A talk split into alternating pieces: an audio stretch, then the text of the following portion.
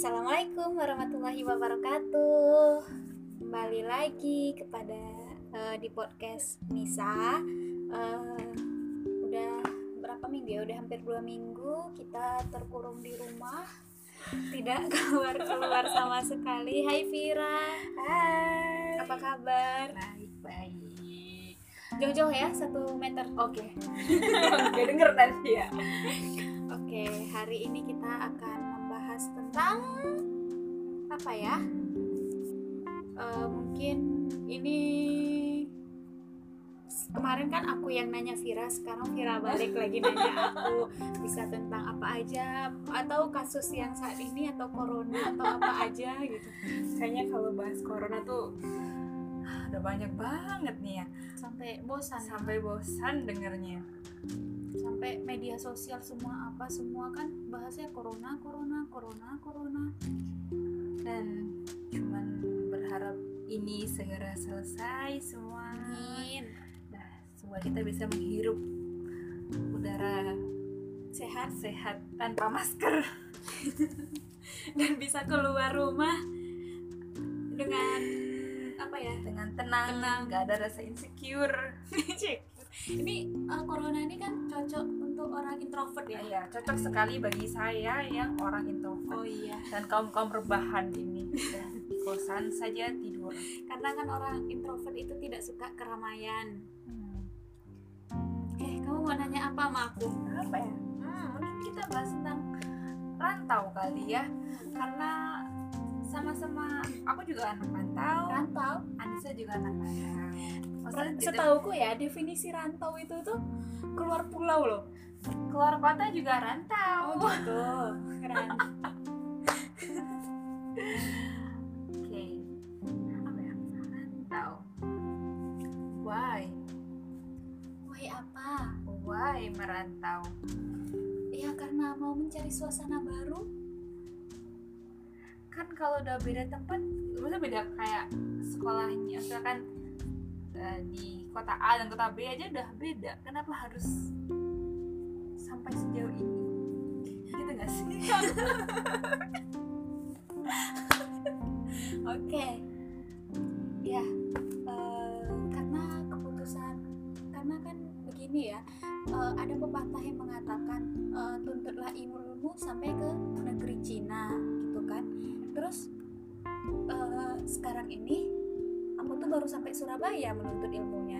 Jadi kan di situ tuh kan uh, untuk kita giat untuk mencari ilmu tidak hanya di tempat kita saja atau di daerah kita saja kan tetapi kita juga harus menuntut ilmu tuh uh, di luar daerah kita gitu.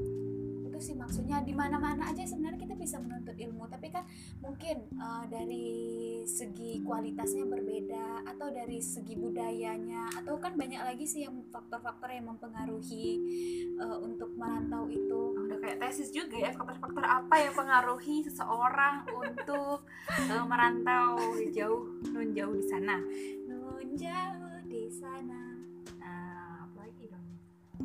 Apa ya? Homesick gak sih homesick yang gak sampai luar luar negeri juga sih. Cuman kan udah jauh kan perjalanannya sini sana itu biaya yang harus dikeluarkan tenaga yang harus dikeluarkan. Ya kok untuk pendidikan nggak homesick gak sih? Homesick itu rindu rumah. Sangat. Oh homesick. Homesick. Kirain homesick. Homesick, homesick. Sangat lah Fir. Di Pekanbaru aja aku masih sering rindu rumah apalagi di sini. Yang hanya satu tahun sekali pulangnya. Jadi paling ya uh, kalau untuk apa uh, mengobati kerinduan itu tuh sekarang kan uh, apa media-media teknologi kan sudah canggih. Ya kita tuh bisa video call atau bisa uh, apa langsung melihat uh, rumah atau lihat orang tua atau lihat kakak adik gitu secara langsung gitu. Jadi itu tuh bisa mengobati kerinduan sih sebenarnya. Terus juga satu lagi untuk mengobati kerinduan tuh doakan orang yang kita rindu. Asik tuh. Anissa 2020 oh iya banyak banget ya. Anissa 2020 nya udah ya. Tapi nanti sebentar lagi Anissa lupa. Anissa lupa. Tenang ada podcast bisa didengar lagi. Ah, tanya. Mungkin eh kalau kamu nggak pastinya nggak homesick enggak ya. karena udah kan seminggu berapa- sekali pulang ya. Iya, berapa jam aja udah sampai ini. Ya begitulah nasib anak rantau. Kamu belum pernah merantau jauh ya? Oh nggak diizinin Iya, kemarin kan udah udah diceritain ya. sudah di sini saja. Nggak usah jauh-jauh. Kayak anak sebenarnya aku juga merantau tuh baru ya keluar pulau itu ya baru S2 ini Eh, karena ya S1 tuh sebenarnya ada niat mau merantau ya tapi rasanya aku belum kuat sih. Belum sanggup. Hatiku masih lemah. Eh. Terus gimana sih cara meyakinkan orang tua tuh bahwa oh, itu bisa ini kan keluarga yang keluarga yang bener baru-baru deket. Maksudnya kayak oh merantau gitu. Kenapa? Ada di sini? Nggak ada. Nggak ada. Terus gimana cara meyakinkan oh saya bisa mandiri. Eh, kalau orang tuaku tuh dia membebaskan aja anaknya. Soalnya dilihat dari kakakku eh, kuliah tuh langsung ke Jakarta. Yang kedua juga ke Solo. Adekku baru tamat SD udah eh, mondok di Jakarta. Jadi ya aku sendiri sendiri sih yang masih di daerah gitu kan. Eh, jadi orang tuaku tuh kalau untuk pendidikan ya percaya percaya aja gitu kan. Eh, yang penting apa tujuanmu? Kalau kuliah ya kuliah di sana jangan jangan ya main-main jangan apa gitu. Jadi ya mungkin kalau untuk mem- meyakinkan ya dengan inilah dengan kita tunjukkan lah kalau kita tuh memang bersungguh-sungguh mau kuliah gitu. Gitu sih. Tapi mungkin karena dari orang tua aku memperbolehkan aja ya untuk eh, kuliah di luar atau merantau gitu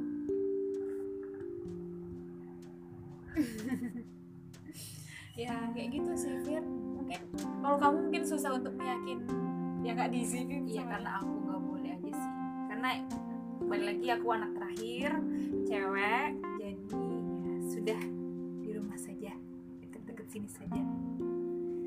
Terus bagi mereka yang mungkin tuh pengen pengen merantau tapi masih belum diizinin.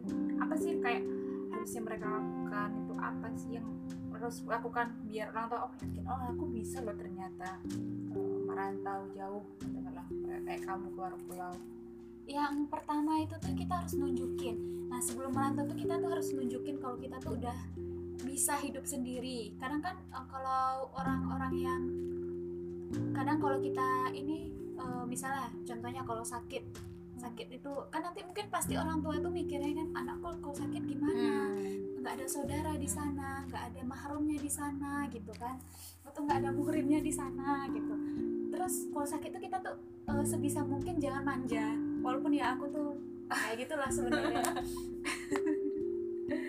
Eh, ya pertama tuh ya jangan manja. Terus liatin bahwa kalau kita tuh bisa eh, bisa untuk eh, menghi- apa hidup sendiri eh, dengan apa ya dengan sebisa kita gitu.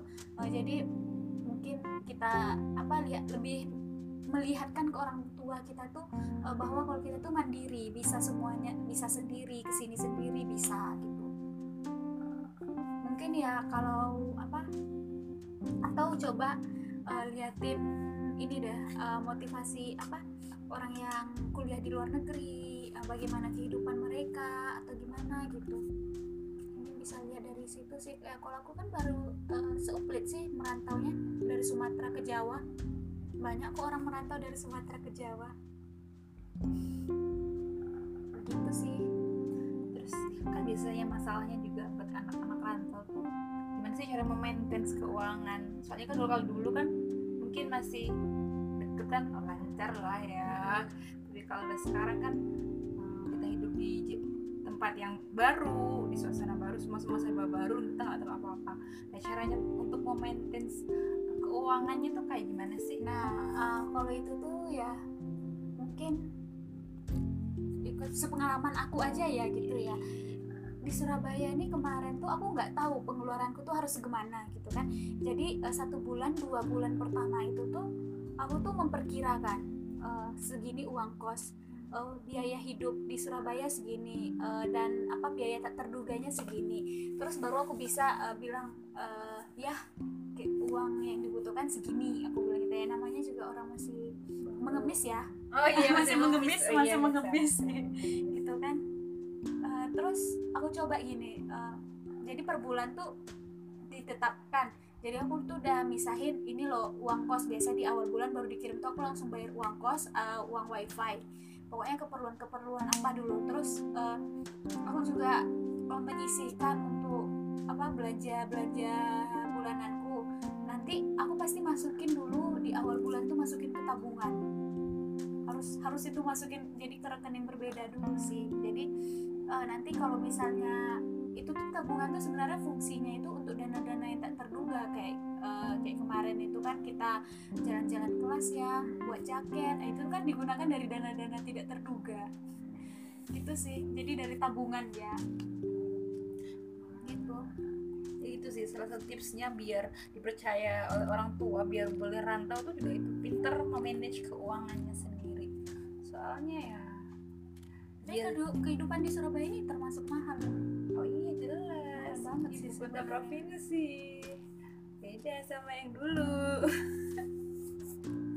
Makanya kan itu salah satunya ya pertama Terus- memanage pokoknya mengatur diri sendiri gimana caranya biar bisa bertahan hidup meskipun sakit meskipun apa meskipun sendiri harus bisa. Eh kalian nggak sendiri sih kan? Kalian udah kenalan sama teman-temannya gitu kan. Jadi bisa dimanfaatkan lah. Ya bagaimana dengan aku yang susah berteman? Kamu tahu kan aku gimana gitu susah berteman. Em, Ya awal-awal tuh ya aku mana mau mendekatkan diri dengan orang. itu bukan aku banget gitu. sama-sama oh ya itu tuh itu orang intro introvert tuh seperti itu kadang sih kalau aku nggak sih aku emang emang iya kadang Kamu memang nggak suka keramaiannya gitu Iya. kan, malas bertanya gitu kan. Tapi kalau berteman itu cepat. Kalau aku kan butuh proses. iya nggak merasa ya Iya ya, kamu nggak ngerasa ya? nggak ya lah sih emang orang-orang introvert tuh kadang males aja gitu loh harus action duluan jangan nunggu aja Ya, di mall aja kalau kita pergi berdua, Iya. itu tuh harus apa ya? kamu dulu Kalau bahasa kami tuh sula-sulaan. Sula-sula. Kamu yang nanya, kamu yang nanya. Tapi kalau ada satu teman kita Ovi itu lah, itu udah. nggak perlu Iya. disuruh. Nggak perlu disuruh. Gak ada apa bertanya awal semenjak di sini sih agak memberanikan diri untuk bertanya. Agak memberani, itu nggak berani-berani banget sih. ya ada perubahan dikit lah daripada dulu pas kuliah satu ya Ya kata Vira muka tembok aja bis. Iya muka tembok aja tadi ngechat orang nggak kenal nggak apa-apa muka tembok aja. Penting kan niatnya baik bukan niatnya apa gitu. Oke itu udah dua ya tipsnya buat anak rantau bisa memanage diri sendiri dan memanage keuangan. Terus apa lagi ya tipsnya? Oh homesick tadi udah. Sekarang zaman dunia eh, media sosial jadi tenang aja pasti bisa terhubung. Yang penting kalian jangan sekali sesekali tuh apa ya? Sering-sering ngabar- ngabarin orang rumah juga biar Aku tuh kadang ngapain ngapain, ngapain. Sehari itu tiga kali ditelepon tuh kan. Sama ponaanku. tuh kan. Sebenarnya ada ada hubungan sama orang rumah tuh harus jadi jangan jangan kayak aku dulu yang yang jarang jarang ngabarin orang rumah kalau udah sampai di tempat tujuan. Oh, kalau aku tuh harus wah itu wajib. nah itu. Dulu SMA sih. Wah, SM. SMA kan ya biasa rebel rebelnya tuh SMA Kamu nggak nanya tentang aku di Surabaya ini ngapain aja? Oh sebentar. Oke tipsnya ada tiga itu ya, itu yang penting. Sekarang, oh saya request pertanyaan. Request pertanyaan. Kamu ngapain aja di sini? Kuliah. Tuh kan? Ya kan memang kuliah aku di sini. Kamu ada keinginan nggak untuk uh, mungkin berapa- setelah kuliah ini kan mau selesai apa tinggal di sini? Enggak. Mau balik aja. Balik Mungkin aja lah. biar nggak penuh sini. Iya di sini udah padat banget loh. Makanya Ya aku udah. tuh Balik aja. soalnya di rumahku tuh masih banyak lahan, Lanjutan ya deh. masih bisa. Oh. Oh mungkin tadi ketekan ya. Terus aku aku kan kuliah. Pertanyaan tadi ya. Eh, aku kan kuliah di sini. Eh, mungkin goalsnya itu tuh ya memang untuk di sana gitu. Ngapain coba? Contohnya kayak gini kalau misalnya aku cari kerjaan di sini oh loh orang di sini udah banyak yang pinter-pinter orang di sini udah banyak uh, berpendidikan tinggi gitu malah aku tidak dibutuhkan di sini. Kalau di rumahku aku nggak tahu juga ya dibutuhkan apa tidak. Setidaknya kan uh, aku itu tuh uh, apa ya adalah kontribusiku sedikit uh, sama daerah. Bagi kalian yang merantau itu kalau bisa kembalilah ke daerah kalian. Bukannya nggak boleh nggak boleh di tempat kalian kuliah sih cuman kan ya kan kalian ngambil ilmunya terus di diaplikasikan, diaplikasikan di, di daerah kita. Karena ngapain coba kita kuliah jauh-jauh uh, tapi kita tuh hanya membangun apa ya daerah orang padahal daerah kita masih tertinggal. Itulah itulah ini tujuannya kita kuliah kan betul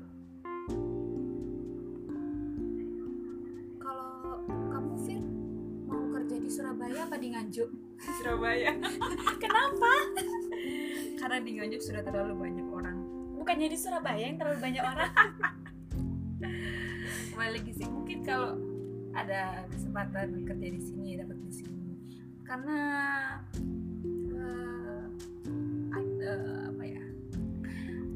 sih Nganjuk tuh malah butuh sih orang-orang anak-anak muda. Ya, kayak juga sih anak-anak muda yang berbakat lainnya. Cuman uh, kembali lagi infrastruktur infrastrukturnya belum emang belum ada juga sih. juga, ya. dan banyak masih usia-usia yang udah tua-tua gitu masih banyak gitu loh di sana. Dan belum belum ada keinginan mereka untuk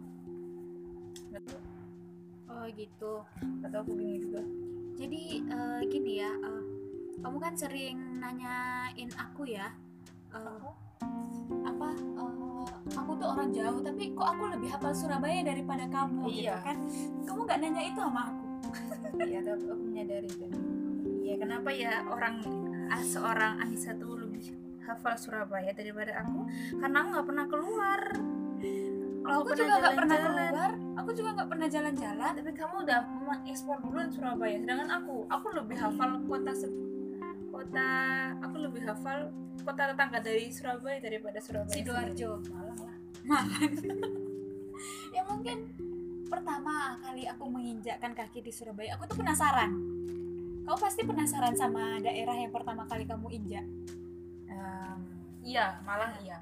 Makanya aku tuh cari tahu ke sini. Oh, oh kata orang ke sini ke sini. Udah ke sini. Kata orang ke sini sini ya ke sini ke sini gitu. Jadi tuh masa nanti aku pulang kan? Surabaya. Surabaya di mananya uh, di mananya? Oh jauh nggak dari sini? Kayak misal kita kan. Nggak tahu itu di mana. Terus aku tuh loh ngapain aja aku di Surabaya? Gitu. Masa misalnya uh, tahu nggak Taman Bungkul? Masa aku nggak tahu Taman Bungkul gitu aku kan? bilang nggak tahu. Kan di peta. Selesai. Ya setidaknya tuh ada inilah apa momen atau kenangan aku di sana gitu kan. Surabaya itu susah jalannya. Kalau aku sih jalannya ke mana terus muternya jauh lagi. Susah tuh dihafal menurut aku. Ini syukur aku nggak ada motor ya? Iya. kalau ada motor udah ke ujung-ujung Surabaya udah aku udah tahu itu. Jadi ke mana-mana tuh pakai Grab pakai ojek online. Iya. Sekarang aja ke pasar baru pakai motor. Iya alhamdulillah. Alhamdulillah ada tepi rezeki.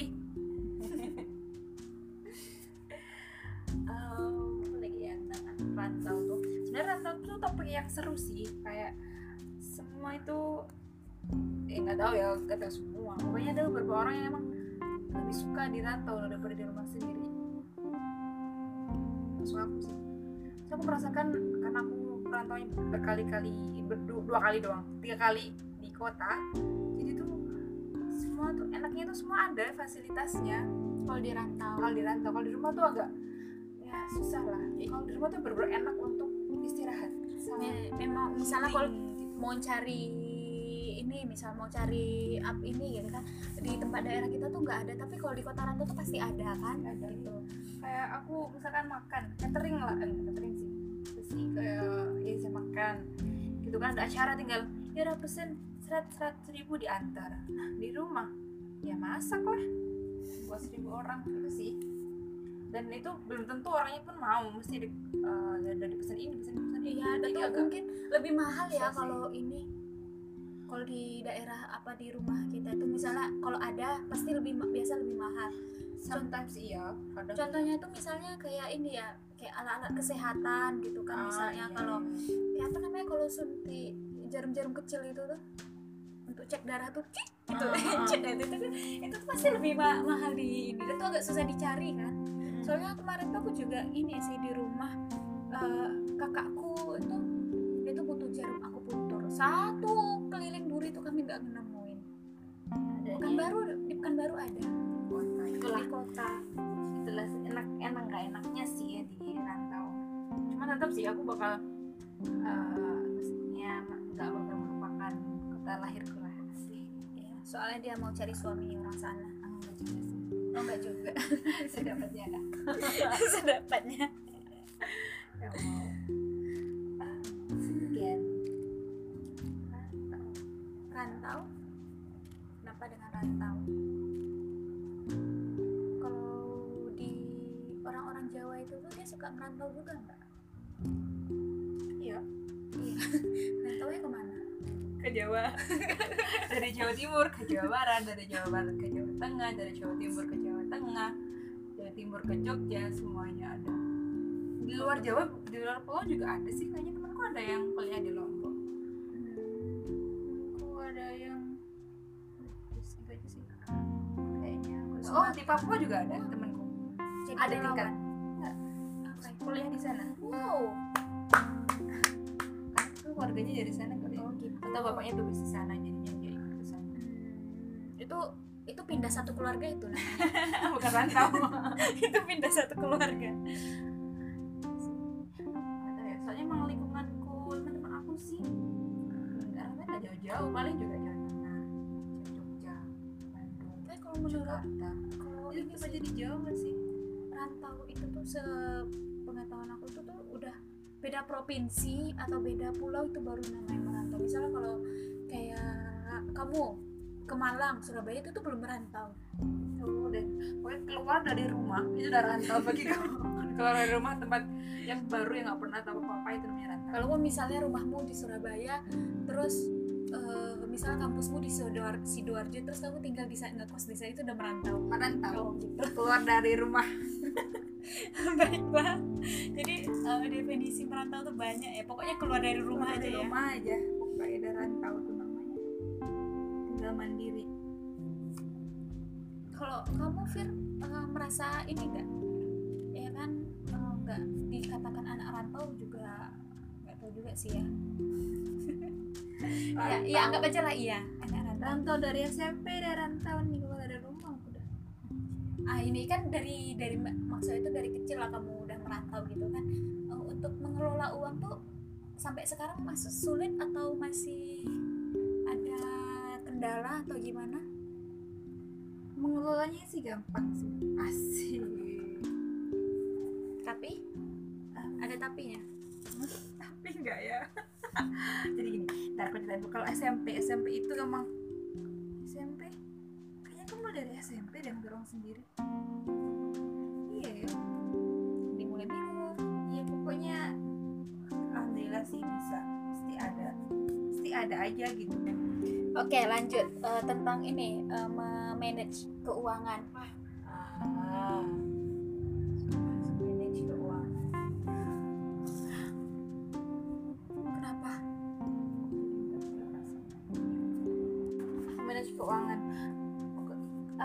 Sih kayak Anissa tuh aku jadi ada dana darurat itu pasti ada. Dana tabungan tuh nggak boleh diutak atik di satu ATM di satu rekening yang nggak boleh diutak atik kecuali darurat. Kalau aku sih ada sih. Dana tabungan tuh biasa aku lebih ke investasi, Ah, kayak reksadana, saham. Gitu. kalau Soalnya kita harus belajar Iya, apa ya menginvestasi memang dari sekarang sih. Itu tuh awalnya kebiasaan dari S1 hmm, awal berawal dari tugas investasi itu. Karena aku nggak ada jadi ya baru-baru ini mulai itu masih belum itu pun atas ajakan Anissa. Iya masih belum apa namanya belum bisa rajin gitu buat invest. Padahal itu penting sih sebenarnya invest itu. Soalnya, soalnya bakal dampaknya tuh bakalan nggak sekarang nanti.